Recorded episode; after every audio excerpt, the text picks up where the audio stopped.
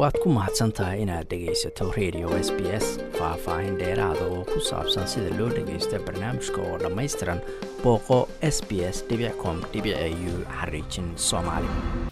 Maxamed xasan dable waa aqoon-yahan degan magaalada lester ee dalka u k.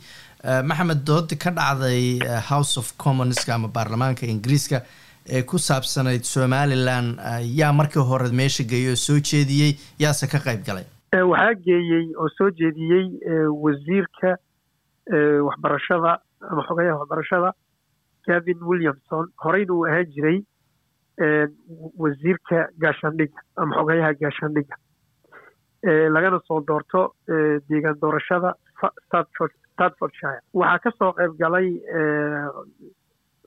koox isku dhaf ah oo axsaabta oo dhan ah oo xildhibaano ah baa ka soo qayb galay oo aada u falanqeeyey mawduucii laga doodahayay ahaa aqoonsiga somalilan ee uu wasiirkan soo jeediyey. Fursadna u helay inuu ku guuleysto in laga doodo waa garta. Marka xildhibaanadaas dhowr iyo labaatanka ee dooda ka qayb qaatay dabcan waxay ahaayeen xildhibaano arrinta qadiyadda somalilan inay xor noqoto taageersan. Maxay yihiin marka maxay u sababeeyeen in somalilan ay mudan tahay in ay madax banaanaato runtii waxay u sababeeyeen arrimo fara badan. Waxaa ka mid ah waxay yidhahdeen somalilan waxay gaartay guulo aada iyo aada u muuqdo oo aan la xaqiiri karin. Sida mathalan arrimaha dimuqraadiyeynta oo doorashooyin isdaba joog ah ay ka dhaceen.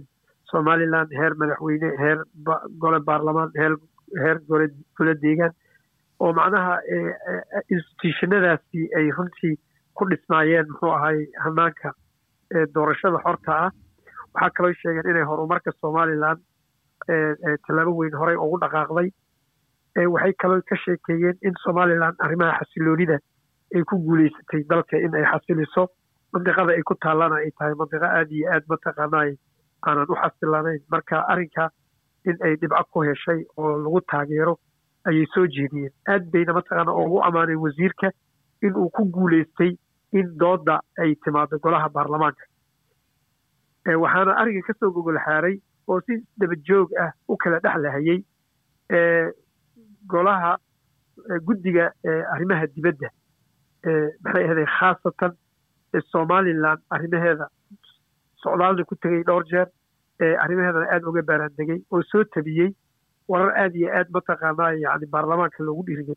Intii xildhibaanay meesha ka soo qayb gashay gebigoodaba way taageereen wayna mataqaan waxaan ka ahayn wasiirka arrimaha yurub u qaabilsan oo isaga markaa ka jawaabahay su'aalaha kaasoo yiri mataqaanay arrimaha siyaadada qaran ee soomaaliya?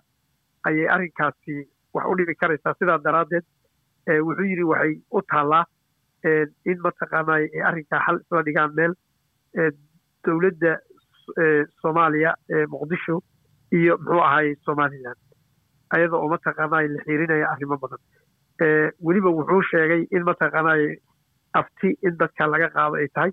Waxaa mataqaanaa gaashaanka u dururtay oo arrinkaa ku diiday xildhibaanada muxuu ahay rushana la yidhaahdo cali oo ka soo jeeda maxay ahaday dalka bangaladesh waxayna xustay in bangaladesh ay ka go'day bakistan xorriyadda markay qaadatay ka gadaal oo ay dowladda ingiriiska hormoodka ahayd. Waxayna tiri sidii baan yeeli karnaa. Marka waa inay dowladdayada hormoodka ka noqotaa wayna ku canaanatay muxuu ahay wasiirka arrinkaa waa gartay. Marka arrintan dabcan jaaliyadda somalilan ee u k degan iyo reer somalilan gudahaan waa arrin ay soo dhaweeyeen. Maxay uga dhigan tahay arrintani somalilan wallaahi marka dhanka somalilan laga eego arrintani guul bay u tahay. Ma aha dee go'aan hadda dhacay oo ay aqoonsi ingiriiska siiyeen muxuu ahay gooli isutaaga ama xornimada madax banaanida somalilan waxay wasiirku wuxuu yiri sidaan sheegay waxay diyaar u yihiin inay u daayaan soomaaliya iyo somalilan inay arrinkaa meel isla dhigaan. Hase yeeshee wuxuu hoosta ka xariiqay inuu mar walbaba somalilan ay la garab taagan yihiin dowladda ingiriiska taageera. Hadday noqoto xagga dimuqraadiyiinta hadday noqoto xagga amniga iyo hadday noqoto xagga horumarka intaba inay la garab taagnaanayaan wax kastoo mataqaana ay labada dhinac ay xaaladooda noqoto. Marka reer somalilan guul bay u tahay caawo waxayna u arkayaan in kiiskoodii iyo arrimahoodii iyo aqoonsigii muddada dheer ee soddonka sana ah ay raadinayeen bilow uu hadda yani meel fiican uu u marayo oo dowladda ingiriiskana ay tahay dowlad awood leh oo weliba veto power ah qaramada midoobey golaheeda amnigeena ka mid ah. Saameyn weynna leh hadday noqoto shanta qaaradoodba marka in uu arrinkaa hurmood ka noqdo xukuumad awood leh waxaa weeye iyagu guul bay u tahay. Waa gartay. Marka dabcan sidaad sheegtay somalilan iyo xildhibaanada u doodaya doodooda waxa weeye dimuqraadiyadda iyo doorashooyinka iyo ammaanka soddonkii sano u dambeeyay ay haystaan. Marka ma la dhihi karaa tan waa arrin ka turjumaysa koonfurta oo ku guul daraysatay inay nabad iyo iyo doorashooyinka iyo inta somalilan ay gaartay ay iyaguna gaaraan ma dhihi karaa waxay ka turjumaysaa guuldarrada koonfurta. Aada iyo aad xasan oo aada iyo aad koonfurta xaaladeedu weli waa faanole fari kama qodno iska qabsiga waa la xusay dooda way ku xuseen. Iska qabsiga madaxda sare ee muxuu ahay dowladda maxay ahda arrimaha ammaan darrada arrimaha mataqaanaa horey aan u soconaynin koonfurta dooda way ku xuseen qolyahan maxay ahday somalilandna mar walba way yidhaahdaan doodooda way ku adkeeyaan waxay yidhaahdaan koonfur ayadaan soo kala dhammaanaynin inaynu mataqaanaa wakti dambe ku sii dhameyno ma aha inaynu mataqaanaa sii soconno bay ahayd. Waxaa jirta isbeddel yar dhacay oo ah xagga mataqaanaa midnimada soomaaliya iyo qaran yani siyaadada qaran ee soomaaliya madax banaanideeda dhuleed badeed cireed intaba in qaramada midoobey oo ingiriiska laftiisu ka mid yahay ay waayahan dambe aada u adkeynayeen hase yeeshee waxaa jira adduunka hadda iska bedelayo arrimahan geopolitiga ah ee siyaasadaha fogfog ee maxay ahaday quudaha sarsare ay isku hayaan mandiqada geeska africa bariga africa ayaa soo dedejinaysa in mooshinkan uu macnaha maanta xilligan ku soo beegmo. Wax iska imaaday ma aha waa arrin mataqaanaay wakti ku timid. Arrimaha saameynta ruushka iyo shiinaha ay ku leeyihiin dagaalka ethoobiya ayaa ka mid ah in mataqaanaa yani dowladaha ay mata in meel firaaqa wayna ku sheegeen doodoodii meel waxay yidhaahdeen firaaq ah oo aan mataqaanaa yani adkayn waxaa weeye waa la soo geli karaa jabuuti bay xuseen oo yidhaahdeen tusaale ahaan jabuuti shiinaha yimid anagoo og dowlado kale inay joogaan laakiin shiinaha matalan tartan kala dhexeeya galbeedka waxaa kaloo xuseen in mataqaanaa ay fursad tahay ganacsi iyo mid mataqaanaa istraatiijiyadeed khaasatan weliba xagga militariga neto iyo maraykankana ay arrinka garwaaqsan yihiin oo arrinkaasi la og yihiin muxuu ahay ingiriiska. Marka arrimahan waxay u eg tahay in aada iyo aad mataqaanaa arrimahan soo kordhay ee isriixriixa quudaha waaweyn iyo iyo iyo maxay ahaday taiwan oo ay la xiratay muxuu ahay somaliland. Mar taasoo shiinaha laga yaabay inuu mataqaanaa ku ciqaabo maxay ahaday somaliland.